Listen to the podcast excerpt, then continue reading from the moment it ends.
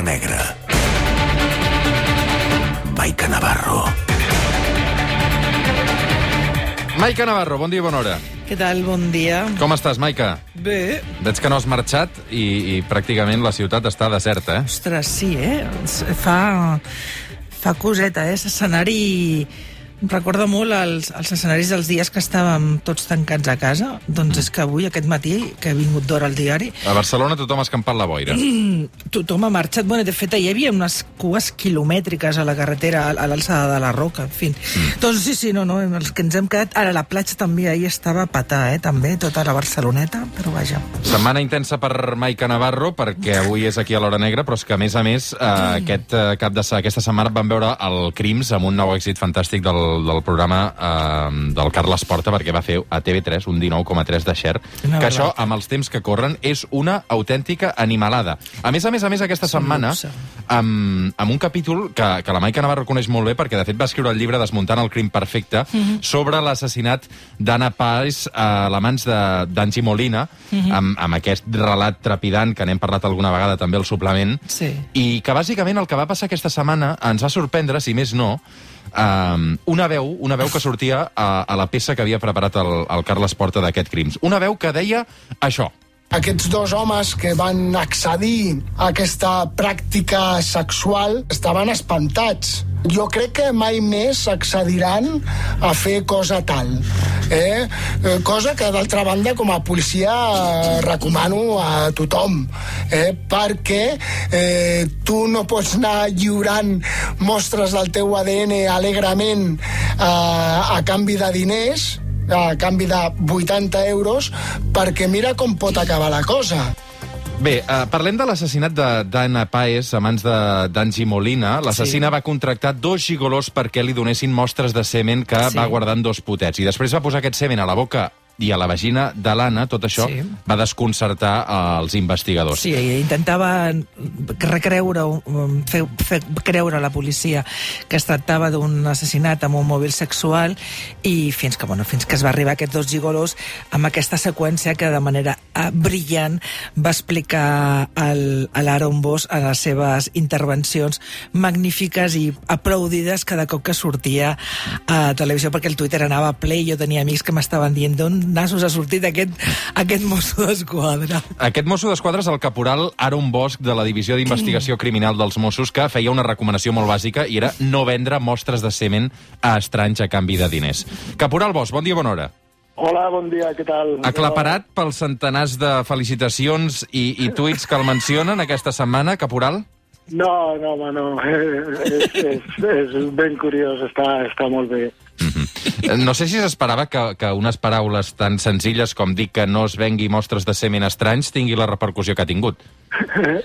bueno, suposo que aquest èxit eh, així relatiu es deu, sens dubte, a la tasca de l'equip de realització i de producció del programa que, que saben transmetre tota la càrrega dramàtica del cas de, de manera perfecta, no? Vull dir, jo sóc una peça més en, en aquest engranatge, diguéssim. No sé en quantes investigacions ha participat, m'imagino que moltes, però el cas de l'assassinat d'Anna Paez segurament és un dels casos més estranys que s'ha trobat al llarg de la seva carrera, no? Sí, bé, a, a veure, quan estàs en aquest món de la investigació criminal treballes en força investigacions de, de, de tipus de- d'homicidi i de més. Eh, clar, aquest per les característiques així tan, diguéssim, maquiavèliques no és poc habitual, diguéssim. Haig de dir que jo que conec fa molts i molts i molts anys el, el caporal, en un... Clar, els que gravem crims prèviament no sabem, ens podem imaginar qui seran els altres pro- coprotagonistes de, del reportatge de, del Porter i del seu equip i ja donava per fet que, que, el, que l'Aaron hi, hi sortiria. Però reconec que el, el, el dilluns al vespre, quan el vaig veure, en una de les pauses el vaig trucar per telèfon i ell estava amb la seva família per, dir, per felicitar-lo, per dir és que estàs esplèndid. I, i, I haig de dir que molta gent em va escriure per preguntar-me jo com una mica d'on havia sortit aquest caporal. I aquest clubs de fans de l'Aron és de recordar que hi ha unes imatges que jo crec que estan en l'imaginari de, de tothom, que és una altra, una altra assassina, uh, tristament cèrebre, que va ser l'assassina de Iaies, la Remedios Sánchez, doncs hi ha unes imatges de dos Mossos d'Esquadra que la porten del braç al pàrquing de les Corts quan és detinguda pels Mossos i un dels Mossos que apareix que l'agafa d'un de, dels braços, un és el Jaume Pots i l'altre és el, el, caporal, el caporal Bous. Molts anys, eh, i moltes investigacions, eh, caporal? Sí, sí, sí, déu-n'hi-do, ha plogut bastant ja. Mm -hmm. uh, caporal, no sé què és el que s'ha de fer, uh, què és el que s'ha de tenir en compte, sobretot quan s'arriba a l'escena d'un crim com aquest, perquè, perquè és evident que aquí que la voluntat de, de l'assassina era distorsionar del tot la investigació. Sí, bueno, a, a veure, el que has de tenir en compte són totes les opcions. Eh, o sigui, has de, has de, mm, tenir en compte que pot haver passat qualsevol cosa, i llavors es tracta de, de recollir i, i esbrinar qui és aquella persona i què pot haver passat i, i anar tirant del fil eh, i, i poder arribar a bon port i, i descobrir finalment doncs, el que ha passat, no? Jo crec que l'Aaron, el, el, el caporal, que també forma part i és un dels protagonistes, dels molts protagonistes de, del llibre, perquè ell ara, amb molt generositat, és veritat que parlava de la, de la professionalitat de, de l'equip de realització i els guionistes de, de la gent de, del Porta amb crims, en el cas del crim de, de l'Anna Maria Paez i d'altres que resol brillantment a grup d'homicidis, és una, el, que, el que deixa molt, i es veu molt clarament aquests reportatges, és que aquí no hi ha protagonistes, com a vegades veiem a les pel·lícules, sinó que la investigació criminal i els homicidis és una tasca conjunta de, en què cada un fa, té un, té un paper rellevant i ell i l'Aaron deia és un dels protagonistes d'aquest llibre al que feia referència al Roger el desmuntat al, al crim perfecte. Jo crec que un dels èxits, eh, Roger, de, de l'Aaron aquell, en aquella emissió de crims és la manera en què explicava les coses, la seva particular manera absolutament natural i, i gens... Jo no es va posar nerviós davant d'una càmera, eh, tot i que no és... Jo recordo que no ets la primera vegada que s'usa crims, no, Aaron? No, no, el, en aquesta temporada també vaig aparèixer el de, el de Santaló. Exacte, el de sí. Santaló. Potser no, no tenies tant paper rellevant, però la manera en què expliques les coses... I clar, la primera, tu has, hem recordat aquest tall de, del semen de les, dels dos gigolos, però clar, sí, la, la, la irrupció d'Aaron en el Crims és en els primers mi minuts, quan eh, recreen, sabeu que Crims és, una, és molt seqüencial i, i, i, i, i està molt molt, el guió és com temporal, no? a mesura que van passant els fets.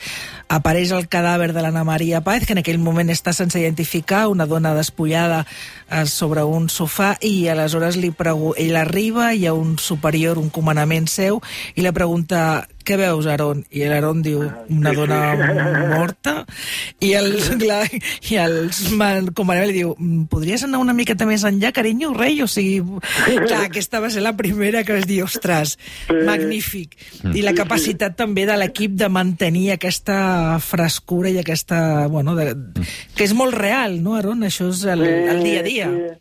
Sí, clar, a veure, es tracta de mantenir tots el cap molt fresc i sobretot això que, que, que feies esment, no? la, eh, el treball col·legiat no? de, de, tot el, de tota la, la divisió de la investigació criminal i sobretot també de la divisió de policia científica, Clar que on no arribem els uns, arriben els Exacte. altres i, i són unes feres tots plegats i empenyem en la mateixa direcció, no? Uh mhm. -huh. Vull dir, és que hi ha moltes dades a analitzar quan succeeix un fet així tan dramàtic. El caporal Aaron Bosch, de la Divisió d'Investigació Criminal de, dels Mossos, avui també el volíem saludar al, al suplement, aprofitant que aquesta setmana està d'actualitat. Moltes, Moltes gràcies, gràcies i bon dia. A vosaltres, que passeu una, bon dia, bon cap de setmana. Una molt forta abraçada, caporal. I igualment, una abraçada. Avui amb la Maica Navarro, però tirem 27 anys enrere, com explicàvem des de, des de primera hora. Avui marxem fins l'any 1994 per parlar d'Andrés Rabadan, un home que eh, aleshores es va fer molt conegut. En aquell moment, el 1994, l'Andrés Rabadan tenia 21 anys i vivia a Sant Genís de Palafolls. Com era de jove l'Andrés, Maica? Sí, a més a més a Sant Genís de Palafolls, en una casa abandonada gairebé enmig de, del bosc, molt, molt aïllada. Era el petit de tres germans, estudiava COU a un institut de Blanes, havia escollit la branca de ciències i tenia unes notes i un expedient acadèmic excel·lent, brillant era reservat, eh, solitari, passava molta part del dia sol en aquesta casa molt aïllada i, la gent del seu entorn deia que semblava que estava barallat amb el món. Els seus dos germans més grans havien... perdó, feia temps que havien marxat de, de casa i ell vivia sol amb el pare i de fet la, la mare s'havia suïcidat el 1982 quan, quan ell era, no, només tenia 9 anys i la van trobar penjada i la seva germana amb el temps sempre recordava que quan a vegades li deia abans de marxar la germana de casa perquè no suportava el pare com l'altre germà li preguntaven Andrés, la mama està al cel? I ella, no, no, la mama no està al cel la mama es va suïcidar. En fi, era una, una infantesa dura que segurament la va, el van marcar i aquesta relació terrible amb el pare que aquest suïcidi de la, de la mare va estar vinculat i després es va saber amb maltractaments que, que patia tant, tant ella com els tres nens de la, com els tres fills. En resum, l'Andrés Rabadan havia tingut una vida complicada, eh, no tenia una, una vida fàcil, i a banda d'aquesta mala relació amb el seu pare, també el suïcidi de, de la seva mare, a finals de 1993, just abans d'aquest any amb què ens fixem, el 1994, l'Andrés havia intentat fer descarrilar tres trens de Rodalies, Maica. Sí, va ser entre desembre del 1993 i el gener del 1994. El primer dels intents de descarrilament va ser gairebé un, un miracle que, que ningú prenés mal perquè hi havia 160 passatgers a la línia de rodalies de Magrat i, i Blanes.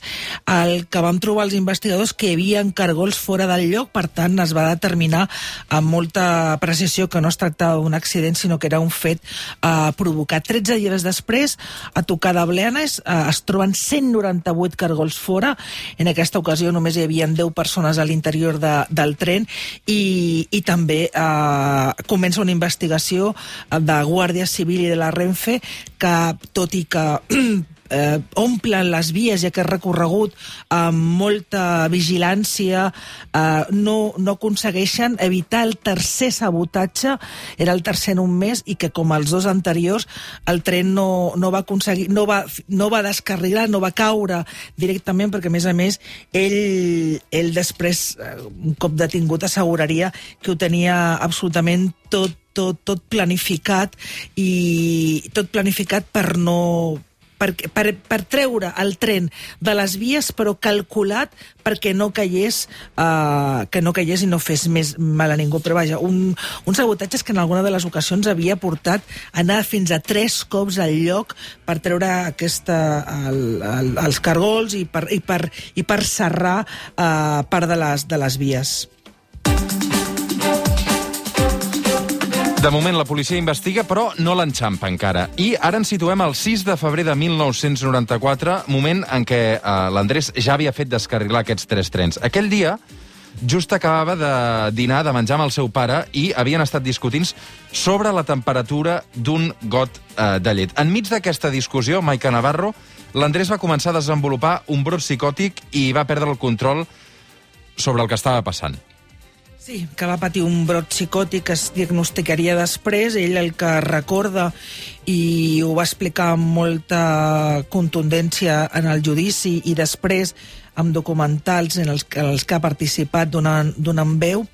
El que passa és que, bueno, que han acabat de dinar, el pare s'ha aixecat, han discutit sobre la temperatura d'aquest got de llet, el pare està rentant els plats, ell havia rebut, recordem que és febrer del 94, amb ell els Reis li havien portat una ballesta real, i aleshores se'n va, s'aixeca, se'n va a la seva habitació, es posa al darrere i llança una primera fletxa de la ballesta contra l'esquena.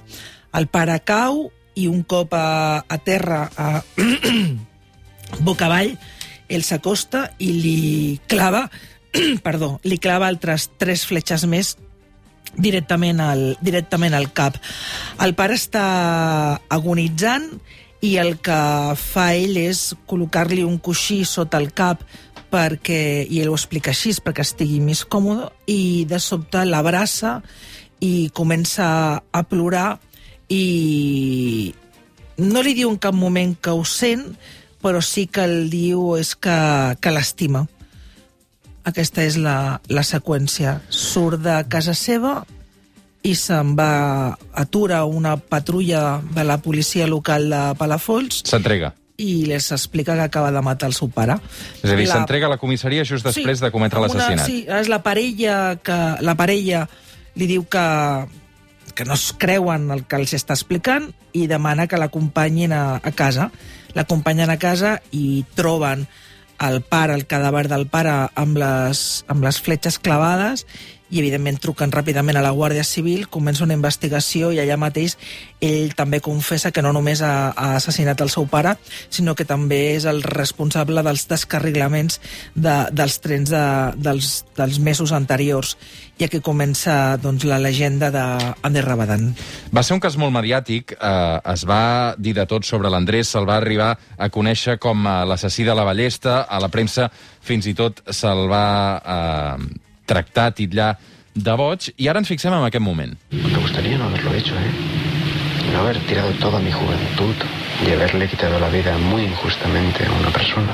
Yo nunca lo habría imaginado. Yo no robaba, no me drogaba, no era un prototipo de, de persona que parece que va encaminada a eso.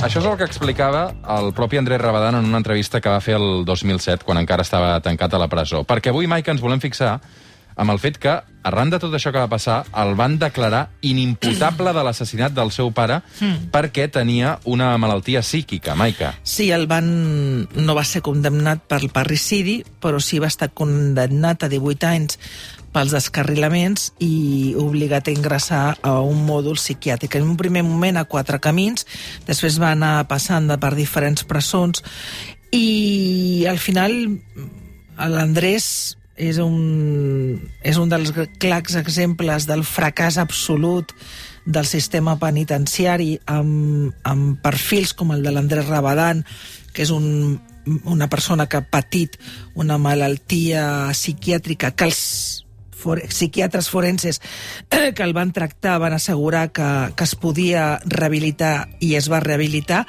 però ell va passar 18 anys, 18 anys de la seva vida sense eh, trepitjar el carrer, sense aconseguir ni tan sols una sola permís penitenciari, perquè tot i que els diferents informes dels psiquiatres que la tenien, entre ells un dels que va estar més a prop és el Lluís Borràs, tot i aquests informes de, de que posaven en valor la seva rehabilitació, la seva actitud positiva cap a una rehabilitació i cap a encetar una nova vida, la seva capacitat d'assumir allò que havia fet, d'assumir el mal que havia provocat, de participar en, en programes de, de, insisteixo, de rehabilitació i de sentiments absolutament eh, reals de, de culpa, doncs es va determinar primer que no era un psicòpata com alguns mm, informes primers havien, havien diagnosticat i que el que havia patit era un brot psicòtic que tenia solució, que tenia cura. I, I ell ho va demostrar, tot i que el sistema una i altra vegada l'audiència li denegava aquests permisos i això el va provocar entrar en una mena de, de bucle dolorosíssim on va patir intents d'acabar amb la seva vida. I a més a més vam descobrir durant aquest temps a pre- a presó que aquell atac d'aquell matí al seu pare aquest assassinat sí que havia tingut una causa-efecte, eh, perquè anys després la seva germana Carmen reconeixia amb un documental, que era el documental El, el Perdó, que després va donar peu a una, a una pel·lícula sensacional que va, que va dirigir que va dirigir el... Ah, espera, que ara no me'n recordo... Bueno, després t'ho dic perquè... No et puc ajudar jo, ara, Sí, aquí. no, ara, ara t'ho diré, que, que, ara t'ho diré. Ara t'ho diré. Les dues vides d'Andrés Rabadan. Sí. Amb l'Àlex Brandemul, i Sí, que a- feia el paper de l'Andrés, i la Marull de Molins, que feia... Sí. Ara ho explicarem, la dona amb qui es va acabar casant, amb una relació, crec que es van conèixer pràcticament... Ventura Durall. Ventura ah. Durall va ser el director del documental primer i després de la pel·lícula. Doncs bé, eh, la germana, la Carmen Rabadan, el que explica és que el dia del crim ella li ha explicat al seu germà, aquest jove de 20 anys, que el seu pare li ve a dir o així és com, escolta, tu el papa ja sé que no tens bona relació amb ell, però ara t'explicaré per què vaig marxar de casa. I és que el papa, quan jo era petit, entrava a l'habitació i em tocava. I és aquell dia el que ell assassina el seu pare. Per tant, els psiquiatres encara van determinar que havia una... que aquest brot psicòtic que havia, que havia patit tenia una causa-efecte molt, molt determinant, tot i que també van incloure les, les accions prèvies dels descarrilaments amb un brot psicòtic que podia haver durat durant mesos, però que, insisteixo, tots, tots, tots, els, psiquiat, tots els psicòlegs, tots els forenses psiquiatres van determinar que tenia, que tenia cura. Mm. Explica'm aquesta relació que va tenir, crec penitenciària, perquè va conèixer una dona que, que era auxiliar d'infermeria, no?, Sí. uh, mentre estava complint condemna, i, i de fet fins i tot es van arribar a casar, Maica. Sí, eh, era una, una, de la, una auxiliar d'enfermeria de, de la presó que, bé, doncs, mm, no és la primera vegada que... I, de fet, no, no dic que siguin la, la cosa més comú del món, però, però no és el primer cas de relacions sentimentals amb personal que treballa a, a presons amb, amb, amb, amb interns. Doncs eh, van començar una relació, ella va deixar de treballar a la presó per poder comuni fer comunicacions amb ell, a ell ho explica molt bé com deia que a mesura que s'anaven coneixent l'amor anava creixent, ella el va ajudar moltíssim i es van, i es van, es van casar i si no tinc... Vaja, ara fa temps que no, no, no tinc... perquè ell ha aconseguit refer la seva vida uh, fora de la presó i a més a més amb l'anonimat que, que mereix i entén, vull entendre que, que, continua, que continuen junt.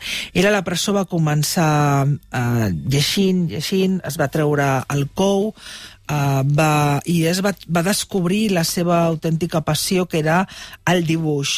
Un dibuix molt, molt, molt específic i molt característic que feia fent servir un bic de color blau, perquè era l'únic color que li deixaven a la presó, i amb la punta fina del bic anava fent dibuixos. El que dibuixava era els seus somnis pertorbadors. Ell explicava com al principi somiava amb el seu pare, però amb l'espectre del seu pare, com ell sortia sempre corrents, però hi ha una vegada que en aquest somni, en comptes de fugir, s'abraça l'espectre, tota la fins i tot, malgrat l'aparença, amb, amb, amb Cook s'explica que i l'abraça i li demana perdó, doncs aquests dibuixos eh, algú els va començar a veure i van dir que estaven plens de, eh, que era eh, tota l'angoixa, tota, tot el, el patiment que l'havia que l'havia passat i com a, de la manera en què el vomitava amb aquests dibuixos. Es van arribar a fer les primeres exposicions, jo recordo la primera que es va fer al restaurant Amaya de la Rambla. Ella es va fer la primera exposició, després va, va aconseguir ja uh, fer color i ja un cop uh, superada aquesta fase terapeuta del dibuix va estudiar art també i ja va començar a dibuixar com, bueno, com pràcticament com una professió. Mm. Maica, uh, és gaire diferent un pavelló psiquiàtric d'una presó? És molt més rígid, molt més dur, perquè la tutela que han de tenir i el control que han de tenir aquesta, aquesta mena de, de, de, de, de presos encara és, és molt més dur. I insisteixo, Rabadan, André Rabadan és, és un exemple d'un fracàs absolut. Um, aquests 17 anys sense un sol permís uh, i amb la... haurien destrossat uh, qualsevol. I va estar ell i la seva capacitat inagotable. Es- evidentment amb l'ajuda de, la, de la seva dona i d'alguns molt pocs amics que van estar sempre al seu costat i un d'ells és el Ventura Durall que, que no només dirigeix aquest documental i la pel·lícula sinó que es converteix en el seu confident i en el seu amic, i el seu amic. Doncs um, com aquest home mereixia uh, tenir una segona oportunitat i, i, mereix, havia pagat amb allò que havia fet i que, mereix, i que a més a més ho havia fet en un moment de, de malaltia molt, molt concreta i allà no, el sistema no va estar bé ni tampoc vam estar bé els periodistes eh? jo la primera em vaig fer alguna que altra crònica de la que no estic gens orgullosa um, sense aprofundir també és veritat que en aquell moment no teníem tots els elements eh? i també a vegades és fàcil però amb la distància i amb el temps crec que tots vam acabar construint un, un arquetip d'un boig, d'un assassí, del boig de la ballesta, de, sense entrar a mirar tot el mal que aquest, que aquest estereotip estava produint a la seva persona i el que els envoltaven. Avui amb la Maica Navarro, el cas de l'Andrés Rabadan, un home amb un cas que es va fer popular el 1994 i que, bé, ha complert condemna i, i ara està ja en llibertat. Maica Navarro, faràs mona tu també o no? Ai, m'encanta. Ja he sentit a la... A la Gemma. A la, he sentit aquestes que no... Bueno, uh, com es diu la de Madrid? Que no, L'Estefania Molina, sí. Com no pots viure a Madrid i no menjar torrijas? És que és gairebé delictiu. Escolta'm, uh, ara té temps, també. Bueno, no sé. I tu, la mona, com, com, com la prefereixes? A mi m'encanten totes les tens, mones. Tens fillol, tu? Tinc molts, tinc fillol, tinc, uh, tinc la, la Berta, la Laura James, que és fillola, tinc no la uh, i tinc també el, el Mateo Tampoc el el Martí Vilaceró a Madrid, també, que és fillol. Carai, quina i després. Valen una pasta, eh, les mones? I després tinc aquestes no, altres que són així com fillols adoptats, que són l'Olivia, però l'Olivia, com el seu padrí és el Cristian Escrivà, doncs aquesta Home, va... Tir anirà ben calçada. Va ben calçada, mona. Mm. I la Maria també, a Sant Carai, Cugat, que també deu rebre un munt de mones. en Família fi. numerosa, Carls Navarro. Sí, sí, jo tinc que estalviar, eh? Fin, faig bolos només per pagar totes les mones Mira, parlant tinc. de bolos, de seguida el suplement, Pol López, un dels grans actors d'aquest país, aquests dies està presentant classe a la Villarroel i el tenim aquí a punt. Ah, sí? Avui ens visita. Uh, Maica Navarro, moltes gràcies, bona sort. Adéu. Fem una pausa i de seguida tornem amb el Pol. Fins ara. El suplement, amb Roger Escapa.